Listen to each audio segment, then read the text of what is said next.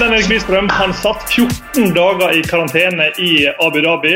Carl Fredrik Hagen han kan glemme Giro d'Italia, og trolig også, eller kanskje, OL. Og Stein Eon han har snekra en kriseplan til Alexander Kristoff. De tre er våre gjester i dagens lille sykkelprat, i tillegg til Kristian Påske og Mats Kagestad i hjemmekontor, som nesten resten av landet. Ja. Hvordan er det? Eh, det er eh, hjemmekoselig. Eh, ikke karantene, men vi oppfører oss som folk flest og holder oss unna andre mennesker. Så dette her var jo veldig sosialt og trivelig. Det er maksimalt sosialt hva jeg har opplevd i dag, i hvert fall. det er jo en helt absurd situasjon for alle. Så men er, vi, vi, må bare gjøre det beste ut av det. Så Det, er, eh, det er nå det gjelder. Hvis ikke så tror jeg det kan være for seint. Så vi må bare gjøre det beste ut av det. Men det er, det er veldig, veldig rart. Altså. Jeg må si det. Det blir kanskje litt smått å snakke om, om sykkel eh, i en sånn eh, tid, men likevel. Sykkel pleier kun å bli stoppa av kanskje verdenskriger, og nå koronaviruset, Mats? Ja, altså eh, sykkel har jo altså De store sykkelrittene har jo kun blitt stanset av verdenskriger, så du er jo definitivt inne på noe. Så at 2020 skulle bli det året hvor også de store sykkelklassikerne faktisk ble, ble stanset, det hadde jo ingen trodd. Og det er jo faktisk eh, altså Det blir jo selvfølgelig spekulativt, men det er jo ikke usannsynlig at sesongen er over. At kanskje Paris-Nice ble det siste vi så. Du nevnte kanskje OL det er ganske krise hva gjelder internasjonal idrett. Så eh, det er klart at dette her eh, påvirker eh, veldig mange. Og det er, det er bare helt absurd, hele situasjonen. Men Kristian, du har vel sjelden vært så glad for å ikke kommentere som du var på, på søndag, som skulle vært den siste etappen av Paris-Nice? Ja, det var en ganske altså Det ble jo rarere og rarere jo nærmere de kom Middelhavet egentlig så var det jo sånn at vi ble litt overrasket over at det Paris-Nice i det hele tatt uh, ble startet. Um, og så ble det snålere og snålere. og etter hvert som lag da altså Den første som reiste hjem, var jo Tijan van Garderen, som, um, som da skjønte at hvis ikke han dro tilbake til USA, så ville han kanskje ikke komme hjem på, på lang, lang tid. Um, og så var det plutselig to lag som trakk seg i tillegg.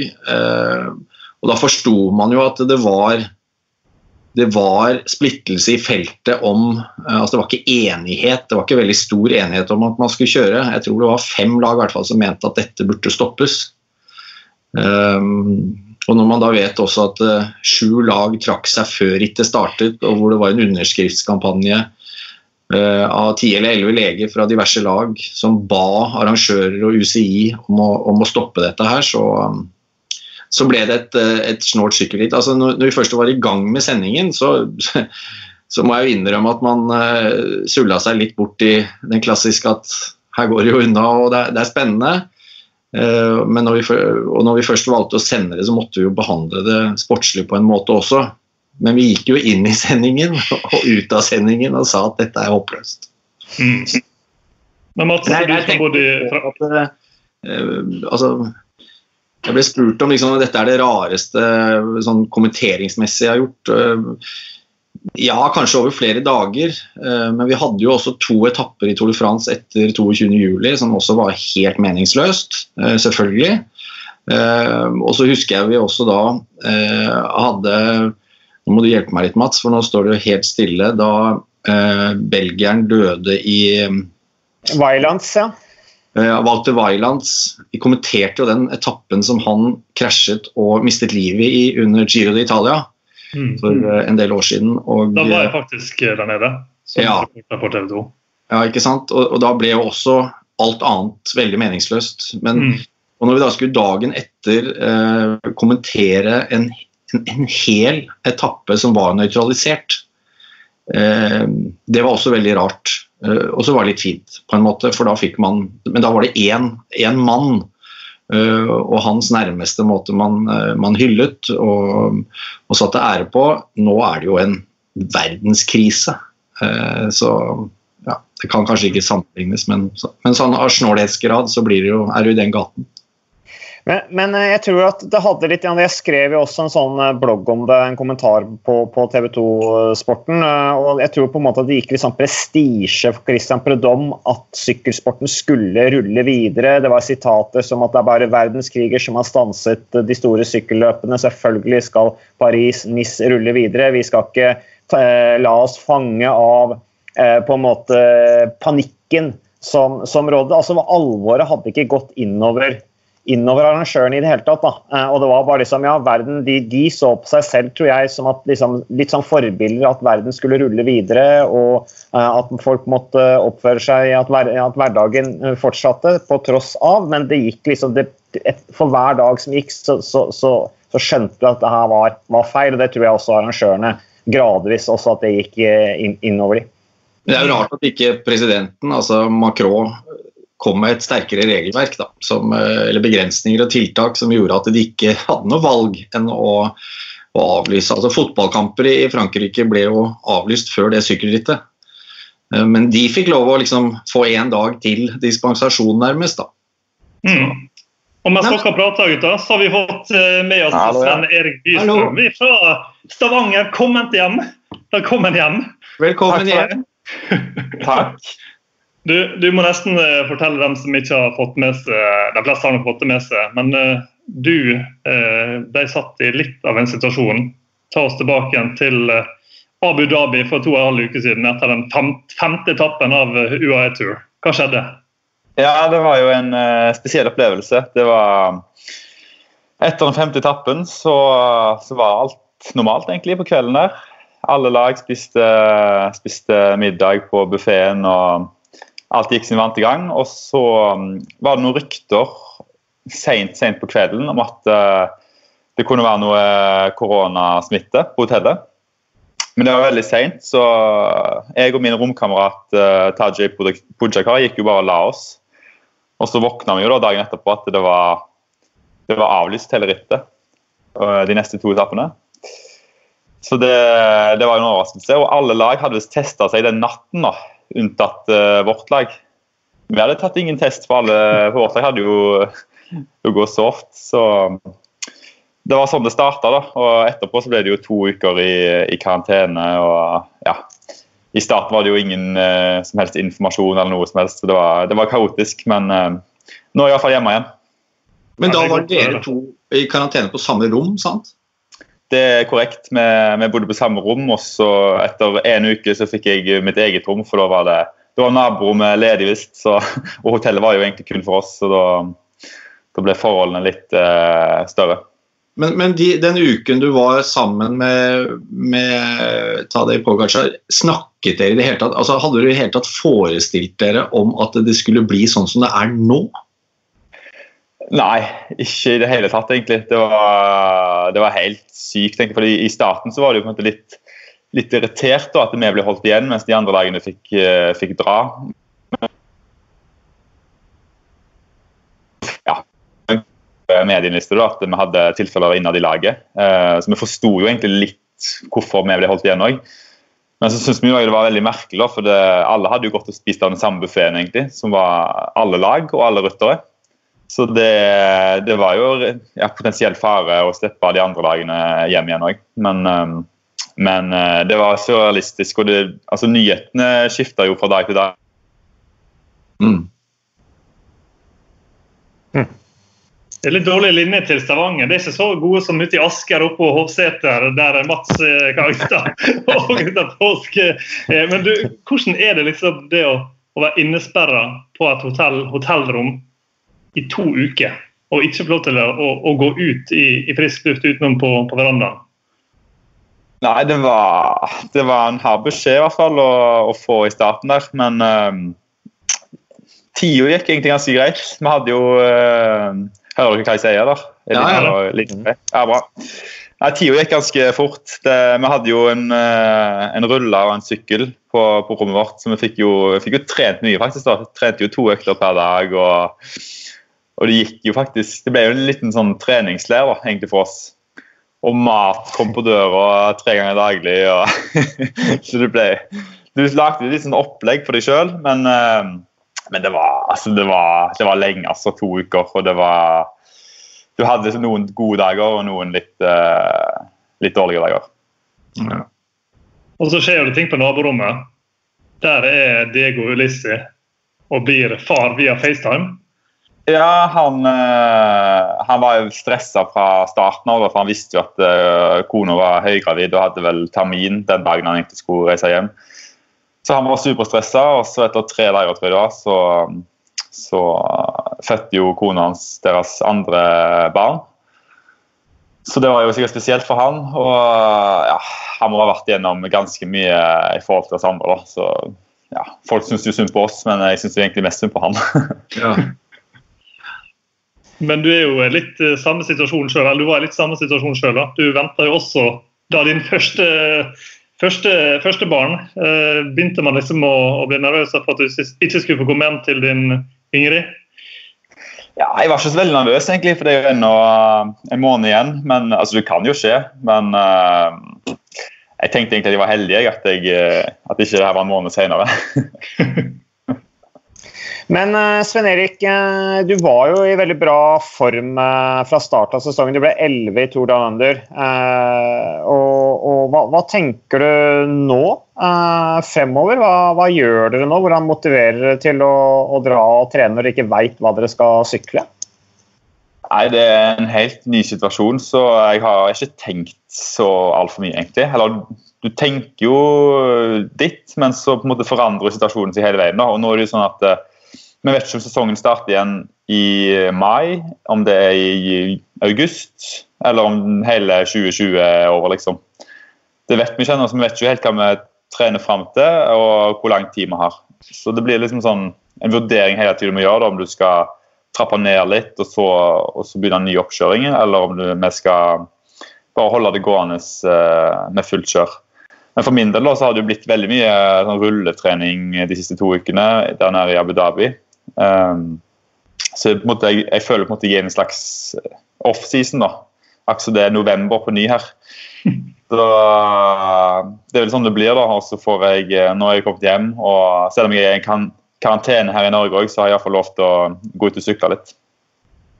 Men hvilke, hvilke, form for kommunikasjon og informasjon er det fra, fra ditt lag, altså som din arbeidsgiver? Altså I dag har jo liksom det, store, De store nyhetene på sportsfronten i dag er jo om eh, norske fotballag må permittere spillere og trenere osv. Eh, er det noen sånn diskusjon med lagene hos dere, eller er det bare beskjed om å holde treningen i gang? Det, nå var det litt dårlig linje her, men eh, Skal jeg ta det vår beskjed Nå hører jeg deg her. Sånn. Vår beskjed er iallfall at vi skal De har ikke sagt noe om noe, noe sånt. Jeg tror uh, vi stiller i en ganske god posisjon, for vi er vel et av de sykkellagene som har, uh, som har en, uh, ja, en, relativt rik sponsor. Da. Jeg tenker i forhold til et lag som Sunweb, da, som er en reiselivssponsor, mm. som blir direkte påvirka av den krisen her, i mye større grad enn det, det UAE-laget vårt blir. da så er det verre for de, men uh, ja. Vi har fått ingen beskjed om at det er noe sånt eh, kommer til å skje i vårt lag. Og når uh, Mats nevnte det gode resultat, så må vi også ta med at det var jo dere som vant den femte etappen der med Pogacar, din romkompis, og du hjalp han inn i siste bakken. Så uh, også der viste du at du var i slag. Ja, hvis du sykkelsesongen uh, Men, eh, og det har laget òg. Det har gått, eh, gått, veldig bra. Så det var jo en eh, ja, Det er helt utrolig at, at det ble så ja, plutselig stopp på alt sammen. Men det er, jo, det er, jo, stopp i hele verden, så det er jo ikke bare sykkelsporten. Men Er du sånn som klarer å se liksom det store bildet her, eller, eller tenker du bare på din egen karriere? Jeg føler jeg klarer å se det store bildet. Jeg har jo uh, hatt nok av tid til å se, se, på nyheter de siste to ukene. Så jeg føler meg rimelig godt uh, oppdatert. da. Det er noen, noen der nede som ikke valgte å, å bruke tida si på å få med seg nyheter. da, og De forsto ikke helt hva det gikk ut på heller, da, og begynte liksom, å, å, klage på sånne småting. Men um, ja, altså sykkelsporten har sine problemer oppi det her, men generelt sett så er det jo mye mye større problem. Vil jeg si. Men du har jo Sven Erik, du har jo også kontrakt uh, ut uh, neste sesong, har du ikke det? Så jo, du har jo ikke det presset på deg, da. Stemmer det. det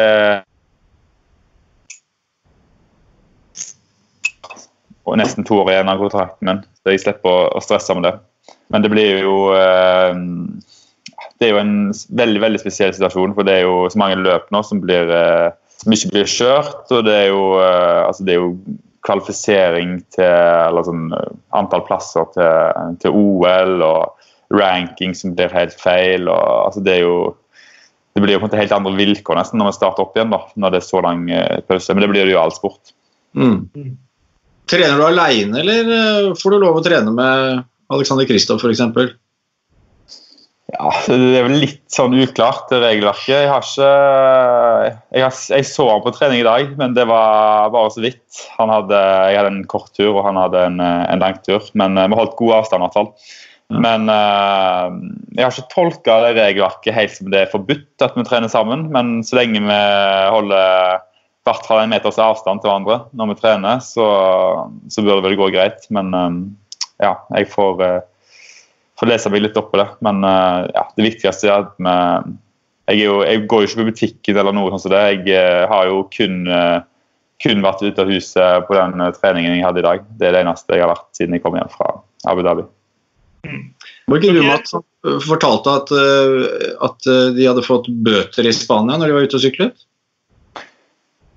Jo, jeg, jeg, jeg, stemmer det. Bilbao fikk vel 3000 euro i bot eh, for han ble stoppet på trening. Og italienske syklister de må jo ha, de må ha med seg lisensen på lomma for å vise til politiet at de faktisk er profesjonelle syklister. Ellers så blir vel de også bøtelagt. Og jeg har også hørt, eh, sett noen nyheter om uh, at uh, italienske syklister blir trakassert og, og forbanna, uh, eller at uh, folk på, blir forbanna på at de er ute og sykler, da, for de mener at det er uansvarlig at de gjør det. Så, sånn sett så er det vel ganske greit her i Norge foreløpig. Jeg snakka faktisk med Sven-Erik Bystrøm, eller ikke med Bystrøm, men med Sven-Erik Bystrøm sin lagkamerat Vegard Stake Laengen rett før vi gikk på her nå. Han fortalte at daglig nå blir han stoppa av politiet i Italia, der han bor. Han bor rett uh, grensa til Frankrike, i, i San Remo der. Um, og Der blir, må, han vise frem rett og slett eh, UCI-lisensen sin, uh, som viser at han er proff. For det er kun proffene som har lov til å være ute på, på landeveien nå. Så uh, det viser hva slags tilstander det er rundt omkring. Ja, det er spesielle, spesielle tider nå, men uh, det blir jo litt ulike konkurransevilkår i hvert fall, fra hvilket land du bor i. Så jeg jubla jo nesten litt når jeg hørte at spanjolene ikke fikk lov til å gå ut og trene. For det har vært to uker i karantene sjøl, så tenkte jeg at nå skal jeg ta igjen hvis jeg har tapt. Men uh, det blir jo Ja, det er jo uh, tragisk alt sammen, egentlig. Men uh, litt Det utjevner kanskje, kanskje, seg litt nå med, med, hvordan folk får trent. Gutta, jeg tror vi skal be Bystrøm om å nyte stillheten i huset den siste måneden, når han kan. For, for nå blir det snart eh, nattevåk og barne, barneskrik i, der du er, Svein Erik. Tusen takk for at du var med oss. Og så eh, får du ha lykke til fremover og hilse til din fru. Takk for det. Takk for det. Lykke til. Og så må han legge på, for vi kan ikke å legge på. Ah, ja, så det må okay. du ordne. Ha det, sånn, Erik. Takk skal du ha. Ja, vi, vi, vi, ønsker han lykke til. Altså, det, det var mye moro i, i vente. Det du må passe på, Sindre, er at du må ikke putte hendene dine så utrolig nærme kamera, for det ser ut som du har sånne kjempehender. Jeg har jo en gammel målvakt. Ja, jeg ser det.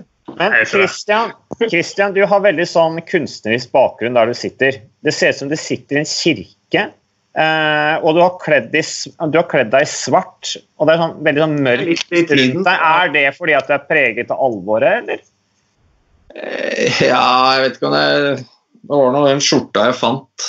Men, uh, Men, det var veldig kledelig akkurat nå, det var det. Gutta, det var jo en annen type fra Norge også som var med i UAE Tour, og det var Carl Fredrik Hagen. Og hvis vi er heldige nå, og hvis han skrur på kameraet sitt på eh, laptopen sin, så har vi faktisk med oss også Carl Fredrik. Hører du oss? Hey! Altså, Nå er det vi tekniske genier, altså, føles det som. Du, du kom litt kjapt ut av uh, Emiratene, du. Uh, I motsetning til Bystrøm, som vi nettopp hadde med oss uh, her på sending før det. var det i nattens mulm og mørke dere ble smugla ut? Ja, det var vel så å si det. Um, jeg fikk vel to timer på øret den, den natten før vi ble kasta inn i bussene. Men det var jo litt sånn i 50-ja, hvor vi fikk kjøre med bussene fra hotellet. Så det var litt sånn spesielt. Ja, var det sånn at man var redd for at Eh, hvis man gikk på feil buss, si, så, så ville ikke man få lov til å komme til flyplassen.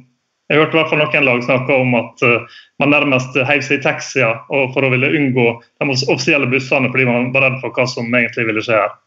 Ja, jeg håpa Vi prøvde først å hyre taxi, men det var ikke noen taxier å, å oppdrive der. Så da tok vi bare sjansen på å hoppe inn i, i bussen, og så var det såpass mange andre lag der og folk fra støtteapparat på andre lag, så jeg tenkte at uh, vi får satse på det. Men jeg fikk jo ikke godkjent min uh, negative koronatest før uh, ja, det var vel ti minutter før bussen kjørte, så jeg var ganske stressa. Jeg, jeg, gikk ned, jeg fikk beskjed om å møte i resepsjonen litt før klokka fire, i god tid før bussene skulle dra. Og så um, møtte jeg sportsdirektøren i resepsjonen, og han sa jeg har ikke så gode nyheter til deg, fordi vi har tre navn på lagets liste som ikke har eh, fått testresultatene sine godkjent ennå. Og jeg var en av de. Så de var rimelig stressa, de også, men heldigvis så, så, fikk vi klareringen eh, akkurat i tide, så jeg kunne hoppe på bussen. da var du glad? Da var jeg sinnssykt glad, og jeg, det er sjelden jeg har vært egentlig så Eh, altså jeg var så lite stressa over at jeg mista den flighten min som jeg opprinnelig hadde. Det var egentlig bare det å være på flyplassen var en lettelse. Du, Hva har du gjort på siden, da? Hva har jeg gjort etterpå? Eh, trent, egentlig. Bare trent. Selvfølgelig. Ja. Men jeg er litt, jeg er litt overrasket. Trener du noe, altså, et annet opplegg nå siden det, alt er så uvisst, eller er det kommet for brått på? forandret nå? Um, jeg har egentlig trent uh, med et håp om at Catalonia skulle bli gjennomført. Så det var først i forgårs, når vi fikk eller to-tre dager siden, når vi fikk bekreftet at Catalonia var avlyst, at, at, vi på en måte eh, ja, hva skal jeg si, eh, gikk inn i et litt annet modus med hvor Erik har også begynt å tenke litt annerledes på at vi ikke skal spisse så mye og må heller bare forsøke å fortsette med så mye mengde som mulig. Men uh, ja, det, alt, vi var jo i møte senest på tirsdag forrige uke med Olympiatoppen om høydesamlingen i Sierra Nevada, som jeg skulle på rett etterpå, eh, når jeg var ferdig i Barcelona på siste etappe i Catalonia. Eh, så det blir jo ikke noe av. Og um, nå er jo Romandie så jeg i dag er, er, avlyst, som var egentlig neste løpet mitt. Og giroen er utsatt. Så jeg har jo egentlig ikke noe løp nå før Polen rundt i starten av juli. Kanskje. Kanskje. Ja. Nå er jeg litt stygg nå, men eh, det er jo en situasjon som er helt absurd. Det er det. Det er det. Så nei, vi, vi må nesten bare se, men uh, det er ikke noe annet å gjøre enn å høre på rådene fra myndighetene. Og så selvfølgelig er man jo eh, helt enig i det som blir tatt av avgjørelser. Det er ikke noe annet som er fornuftig. Men Carl eh, Fredrik, hvordan motiverer du deg til å dra ut og trene? Og vi vet at du, du, du er jo glad i å trene. Du, trener jo, du, du er jo kjent for å trene mye. Eh, altså Når du setter deg på, når du lager planer og sånn, nå er det, er det grunntrening? Det er tilbake back to basic med styrketrening og langkjøring og prøve å holde intensiteten nede nå, da, som gjelder? Ja, det blir jo det. Jeg kommer nok til å få Eh, altså Vi kommer til å kjøre en blanding av grunntrening og lystbetung trening. tror jeg. Det blir sånn blanding av eh, desember-januar-trening og offseason-trening, tror jeg. Eh, og um, bruke det fine været. altså Motivasjonen nå, når det er, hvert fall nå er vi heldige på Østlandet og har vanvittig fint vær de neste dagene. så når det er eh, strålende solskinn og du kjenner at eh, temperaturen begynner å bli ganske god til at du ikke må ha på deg tre lag eh, skotrekk og tre lag på overkroppen, så, så er det litt lettere å motivere seg for å kjøre en del lange turer. Um, men uh, det, er, uh, det er litt sånn vanskelig å se for seg liksom, hva er det du egentlig trener til nå, da, når det er så mye usikkerhet. Men man må bare holde det i gang. Da. Vi får jo heldigvis betalt uh, lønna vår. Jeg har ikke hørt noe annet, så da kan man vel bare få betalt for å trene. Men du, OL oppi det hele, da, som du hadde pekt ut som et veldig stort mål til sommeren. Eh, begynner man å tro at det også ryker? Eh, jeg har, jeg har liksom Jeg har tenkt noen tanker om at det kan spøke for OL, men eh, det er heldigvis en del måneder igjen. Og jeg har jo et lite håp om at vi kan få eh, noenlunde kontroll, slik at vi kan gjennomføre OL. Men eh, jeg er ikke superoptimist sånn som det ser ut akkurat nå.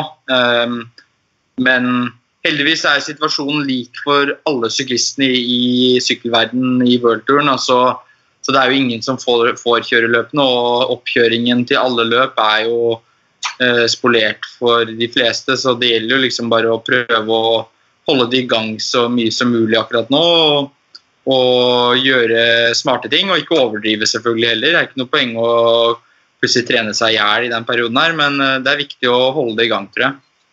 Men, men vil du være trygg på å dra til et OL? Altså, vi ser jo nå at det er veldig stor forskjell med hvordan de forskjellige nasjonene, altså Sverige, bare for å gå dit, angriper jo dette på en helt annen måte enn, det Norge gjør for å dempe smitten. Og Hvis man da, eh, hvis Tokyo skulle liksom trumfe gjennom dette her sammen med IOC og si at eh, OL det lukker vi eh, igjen, og så, og så går det da eh, konkurranser eh, uten publikum.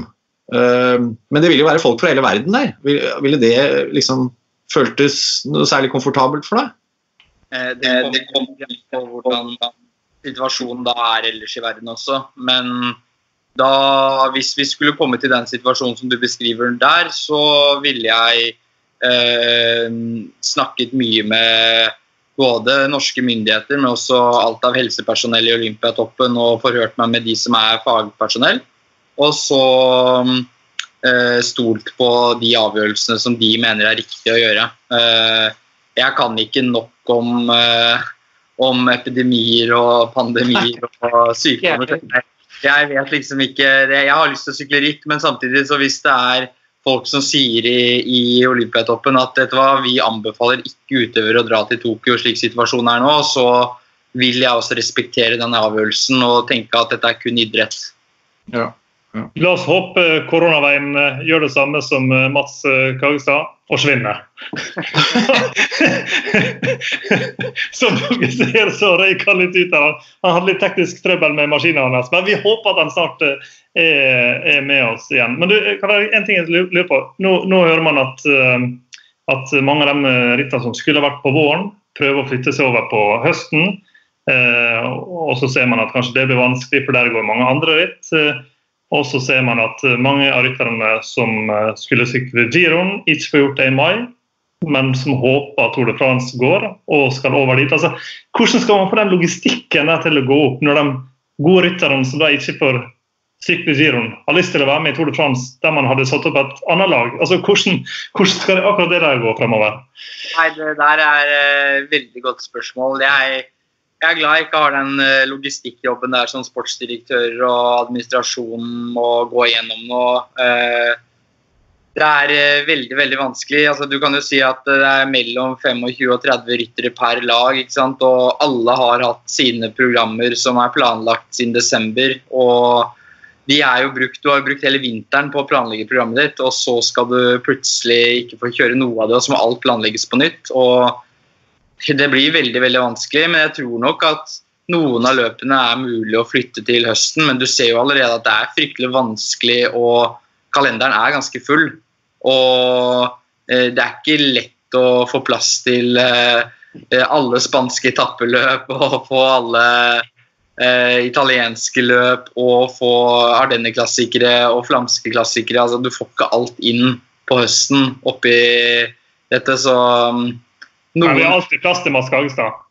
Ja, det var det jeg skulle spørre om før datamaskinen sin skrudde seg av. Det var at uh, Hva gjør det på en måte med stevninga internt i laget? Fordi at vanligvis i et World altså, Rittprogrammet er jo tettpakka. Det er tre-fire sykkelløp samtidig. Alle har nok av ritt, stort sett.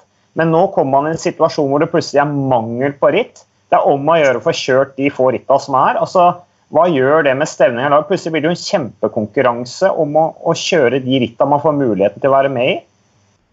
Ja, det vil jo bli det når eh, løpene kommer eh, opp igjen. Ehm, det er jo ja, altså Nå har jo vi prata mest via WhatsApp-gruppene på laget og får jo daglig informasjon der. og Vi har prata litt mellom oss rytterne, men jeg har liksom ikke prata sånn veldig mye om akkurat det der med med lagkameratene mine. Eh, men jeg ser jo for meg at det vil bli veldig, veldig mye eh, Altså det blir stor konkurranse om å få kjøre de, de løpene som kommer til å gå. Men eh, så er det veldig mange år på laget som jeg tror nå er veldig nervøse for at Flandern og alle de belgiske løpene nå som kommer på rekke og rad, blir avlyst én etter én, og også Paris-Roubais. fordi det er jo det altså, laget, altså Lotto Sodal er jo et klassikerlag. Og eh, se sånn som Ineos eh, og Movistar Astana, altså mange av de lagene som satser f.eks. på sammendraget i en del enukesløp og kanskje en Grand Tour i løpet av året, de har fortsatt ganske mye eh, som de kan få prestert i å redde inn sesongen. Da. Men hvis alle de flamske og alle eh, brosteinsrittene blir avlyst nå, og kanskje ikke kommer igjen senere i år, så, så er på en måte eh, hovedsatsingen til laget er jo borte i år. Og da begynner du å tenke på neste år allerede. Så det er liksom Jeg tror for min del, da, som er sammenlagtrytter, så vil jeg nok få nok mulig Altså jeg vil få kjøre løp uansett, i og med at vi har ikke så mange sammenlagtryttere. Men eh, det blir nok en fryktelig hard kamp. Mm. Hm. Dere, jeg tror eh, vi sier tusen takk til eh, Karl Fredrik for at du tok deg tid. Vi forstyrra det midt i laksemiddagen med din uh, frue. Dere, her er det er bare stearinlys. Det er bare stearinlys og så, og så tidlig seng, tror jeg. Sesongen til dama di er over det nå, Carl Fredrik, så da kan dere jo nyte litt fri. hun har faktisk hun har børsta støv av terrengsykkelen sin, så hun skal prøve å få frem sykkelbein, hun også. Ja, det er bra. Vi ønsker ønske dere begge lykke til, og dere får trene litt i lag, da. Takk skal du ha. Tusen hjertelig. Og så må du må si det samme til det som til Vitrom. Det er du som må skru av, for vi kan ikke avkappe den. Ha det fint. Du, Mats, uh, i forhold til uh, sånn som sesongen nå var i ferd med å utvikle seg, og form og ikke-form på, på ryttere, hvem er det som uh, taper mest på at det ble en brutal stopp nå? Og den lista er lang, eh, Sindre, men uh, altså, du, hvis, vi, hvis, sesongen stopper nå, da, uh, så vil jo 2020-sesongen bli huska for Paris-Nice, tenker jeg. Uh, da er det Bora Hansgrohe, da er det sjakkmann. Du har Nairo Quintana, som har hatt en fantastisk entré i Arkea Samsic. Arkea Samsic fremstår som plutselig et av vinnerlagene i 2020 som har fått inn problembarnet. Naser Bohani, som ingen hadde troa på. det var ikke så veldig mange som hadde troa på Quintana inntil Arkea Samsic heller. Og så plutselig så opplever de såpass eh, gode resultater med seire. Det virker som Quintana har fått en ny vår. Eh, så, så de er jo på en måte plutselig blant, blant vinnerne, da, hvis vi stopper sesongen nå. Men lista over tapere er jo selvfølgelig mye lenger. altså Hele sykkelsporten er jo stortapere på dette her, selvfølgelig kan være et kjipt år å VM-trøya. Ja, ikke minst for Mats Pedersen, som jo virker i bra slag, han også. Kjører solid. Eh, Trek Fredo er også et lag synes jeg, som har kjørt veldig bra. Jasper Stuyven, som vant på et newsblad. De to særlig eh, tror jeg gleder seg veldig til, til uh, belgiske klassikerne. Ikke sant? Mats Pedersen med VM-trøya i, i vårklassikeren i Belgia. Kjempemye uh, begeistring rundt det, selvfølgelig og så blir eh, ødelegger dette her eh, sesongen for han, så, så, så, det er noen som selvfølgelig har grunn til å være litt mer skuffa enn en andre. Mm, du, jeg tror faktisk vi har fått med oss en ny gjest fra Stavanger. Stein Ørn, kan du trykke på videoknappen på, maskina di, så har vi det med oss. Ah, Hey! Doktor Ørn, han får til det meste, altså. Du, er det travle dager på sykehuset i Stavanger om dagen? Nei, eh, det er veldig godt organisert. Eh, Veldig eh, imponert over måten man har strukturert det på. Det har vært Nå har man klart å isolere en hel del av sykehuset for å ta imot koronapasienter. og Foreløpig har det bare vært to som er registrert inn, så det ser veldig bra ut. Hvordan og hvor travelt er det som trener for Aleksander i forhold til Kristoff, som du nå må endre hele opplegget til? Akkurat Det er en kjempeutfordring. ikke sant? Fordi at eh, Måten som all vår basert, eh, eller treningsstruktur er basert på, er at du har en målsetning eh, om et spesifikt tidspunkt hvor du skal ha maksimal prestasjon, og så bygges det mot det, sånn at all trening bygges bakover fra de tidspunktene. Så Når du ikke har noe orienteringstidspunkt, så er det en utfordring. så Da må man se etter andre perspektiver og prøve å designe trening som har forskjellige egenskaper. Det er jo klart at eh, For alle ryttere som er i den situasjonen som en er nå, så er det avgjørende at man ikke bare eh, ser på det kortsiktig, men også neste sesong allerede. At man legger inn trening som er bærende for neste, for neste sesongstruktur. Nå har jeg en del eller Vi har en del interessante eh, treningselementer som vi har startet å introdusere i vinter, og som vi ønsker å, å eksperimentere litt med. så Da har vi jo muligheten for å gjøre det nå, f.eks. Ja, vi snakket med Bystrøm her, skjønner du, og da, han sa jo det at han følte han var litt i sånn eh, Altså i novembertrening.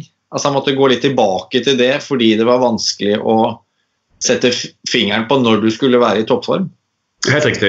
Eh, og Det er, helt, det er jo essensen i det hele. I hvert fall Når du skal prestere i en rittsammenheng, så er det helt avgjørende. Men nå kommer han fra en karantene hvor han har sittet og kjørt rulle på en, eh, en liten terrasse eh, i 14 dager. Og, mens Alexander kommer faktisk fra en treningsperiode på over 30 timer siste uke, og vi har klart å simulere Paris-Nice ganske bra volummessig, men mangler litt på intensitet. Så Alexander har faktisk et veldig høyt nivå, og også sånn prestasjonsmessig på treningene så ser det veldig bra ut. Så um, spørsmålet er hvordan man skal utnytte dette og bære dette videre inn mot eh, resten av sesongen. Er det ting han kan gjøre som, han, eh, ikke, altså, som, han, eller som dere ønsket han skulle gjøre, som dere nå ikke kan gjøre pga. koronasituasjonen? Ja, det er klart, eh, hele strukturen vår er basert på at mye fokus eh, er i rittsituasjonen, hvor ritten er en veldig bærende element i utviklingen som formmessig og også prestasjonsmessig gjennom hele sesongen. Eh, Men i den anseelse så har vi utvikla en helt nytt treningskonsept som, som ikke kan si så mye om akkurat for øyeblikket, men er veldig veldig spennende, og vi får sjans, god sjanse til å utvikle det. Du kan ikke si sånn til journalister. Stein. Nei, men Stein, du kan vel snakke om det hvis det blir en suksess, men hvis det ikke blir en suksess, så er det bare å ikke snakke noe mer om det.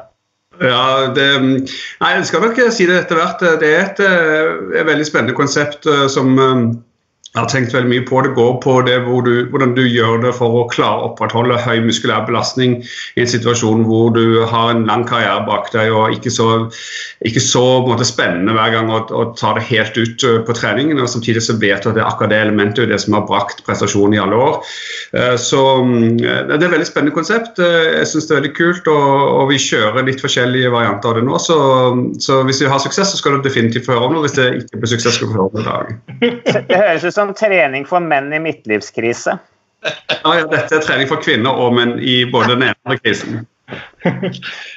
Men det, eh, det er den timinga for at sesongen blir stoppa nå for eh, Kristoff sin del. Eh, Den tredjeplassen i i Kyrmbrysakøren, um, viser den at eh, den kom på verst tenkelig tidspunkt? Ja, ja, altså, har, altså hvis, hvis man ser køene, så var det udiskutabelt de beste løpene han har kjørt den tiden av året. Han sitter i første gruppe gjennom hele perioden, overrasker seg selv over Rode Kvarmont, som har vært en sånn akilleshæl for han, og, eh, og han kjører knallsterkt der. og, og det er Uh, det, det, det, det tragisk. Han var kjempeform. Så, men sånn er det jo. ikke sant? Man må bare håndtere situasjonen, og så må man gjøre det beste ut av det. Men Stein, eh, hvor, eh, hva vet du om Gaviria nå? Han, er, han, had, han har jo også hatt korona. Han er jo kanskje en av de første som, som har altså, I hvert fall kjente tilfeller av- blant syklistene som har hatt korona. Han er, vel, ja, han, han er vel det. Den første som har hatt korona blant eh, profesjonelle syklister. Så hvordan er formen hans nå? Vet du hvor lang tid han har brukt på en måte til å komme seg tilbake? Hvor lang tid har han hatt uten trening? Hvor er han i, i løypa? Nei, Når det gjelder kommunikasjon omkring den type ting, så er det veldig lite fra laget som jeg kan bidra med ut av det dere allerede vet. Så um, jeg har ingen informasjon om, om Gøye. Er er det lettere for eh, altså Dette her er jo jobben til, eh, til Alexander og mange andre, eh, som nå blir satt på, på vent. Eh, er det lettere for dere to i kompaniskap og, og, se det store bildet i og med at du er lege? Ja, det har jo vært eh, Ja, jeg tror kanskje det. Uh, og Det har jo vært litt sånn også gjennom hele karrieren til Alexander at det, hjelper å ha uh, flere perspektiver samtidig. Du har litt annen kontroll på totaliteten i situasjonen, og det gjelder selvfølgelig også nå. Um, det som er spesielt med denne situasjonen når det gjelder korona, er at det er forskjellige elementer som ikke bare er medisinske, som spiller inn i måten uh, både samfunnet og man håndterer det medisinsk sett på. Sånn at uh, Det er jo en veldig uvanlig situasjon vi er i, så man må improvisere på litt annet nivå. Men jeg føler egentlig at uh, man kan komme gjennom dette med en rimelig grad av kontroll. og det, er klart Her gjelder det å, å holde perspektivene og, og, klare å jobbe systematisk, selv om man ikke lenger har det klare målet. Men sånn som det er nå, så ser vi på, på mai som et potensielt starttidspunkt, men man vet jo aldri. Men, er du glad for at han ikke kjørte at eh, han ikke kjørte Paris-Nice når det ble som det ble? Ja, det er klart at Etter hvert så ble det jo et etisk spørsmål også der. Ja, det er det jeg mener. Og det er jo klart at uh, Etikken i å kjøre sykkelritt i en sånn situasjon det er jo litt uh, diskutabel. Da, men uh, samtidig så er det også viktig at ikke man får panikk i befolkningen. Og det prøver å balansere det normalitetsbegrepet mot rasjonalitet. Også, Man har alltid alle ekstreme fortolkninger av alle situasjoner, og, og man ønsker ikke panikk heller. Så jeg forstår jo at det prøver å holde et eh, mest mulig normalt eh, samfunn eh, fungerende, selv i en sånn eh, unormal situasjon som en er nå, er jo også noe man kan eh, motivere seg av. Jeg, jeg tror f.eks. et råd til TV 2 nå ville være å spille opp igjen alle de gode opplevelsene vi har fra de forskjellige løpene når vi kommer til Flandern rundt, f.eks. At man tar en reprise på Flandern rundt, og så tar man i Paris-Roubais så tar man Tor Hustad sin, sin suksess der. Viser et helt løp, f.eks. Prøve å lage litt normalitet ut i det sånn at folk får sine høydepunkter, og at man lager, prøver å lage et mest mulig normal opplevelse av samfunnet, selv om vi er i en helt spesiell situasjon. Mm. Men, i, bare spørsmål, eh, Stein. Eh, er ikke plutselig Tour de France nå ganske aktuelt for, for Alexander? Er ikke det plutselig høyt oppe på ønskelista deres når sesongen ser ut til å bli sånn som den blir nå? Uh, ønskeligst når du skal ha en tvillingfødsel midt i Tour de France, er vel kanskje ikke å definere det, det, det, ser jeg, men sånn ut ifra hvordan rittsesongen har utvikla seg, så det, kunne det plutselig vært aktuelt med Tour de France nå. Eh, det blir jo ikke noe giro.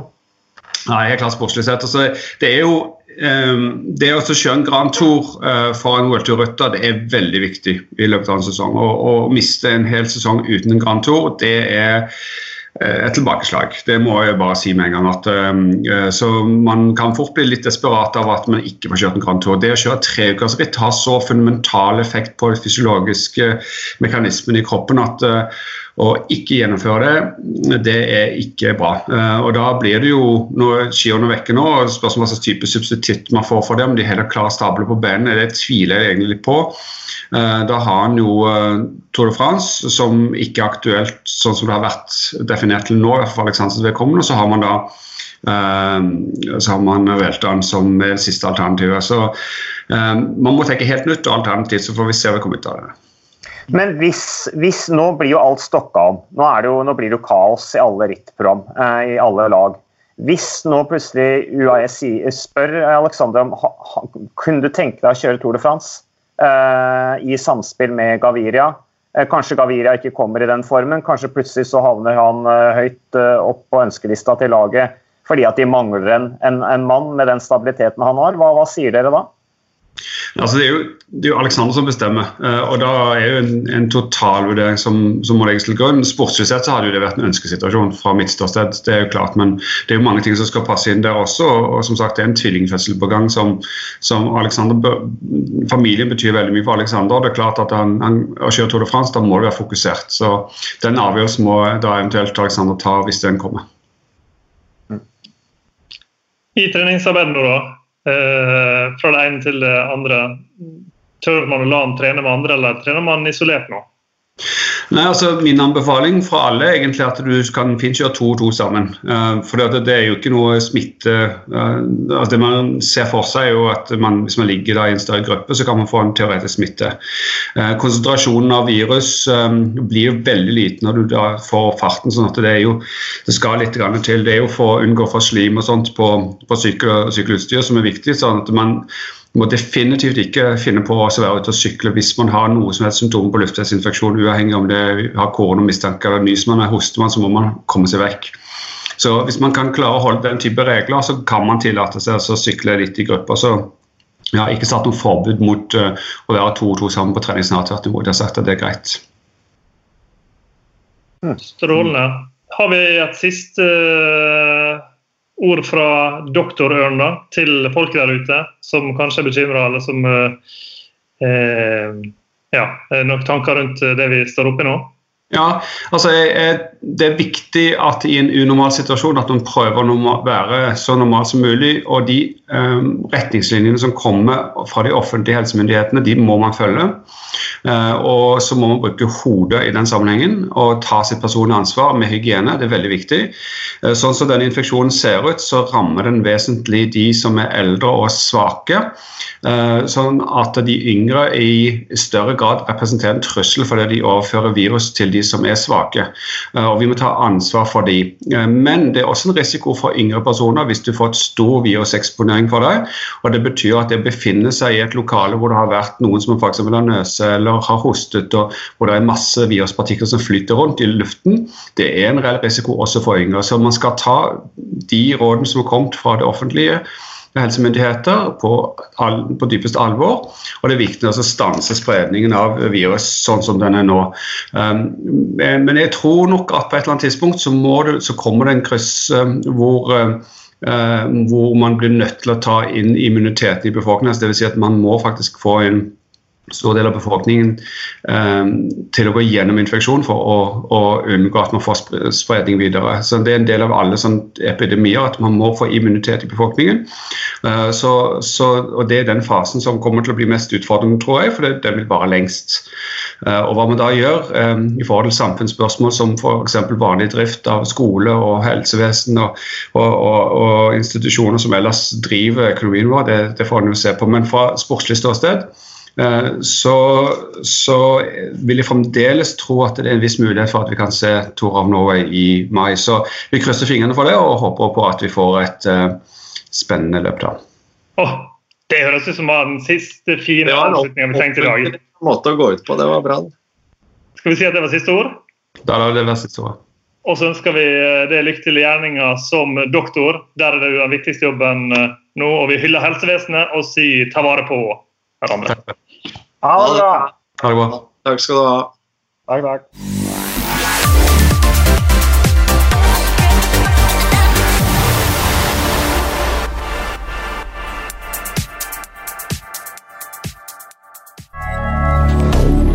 Moderne media.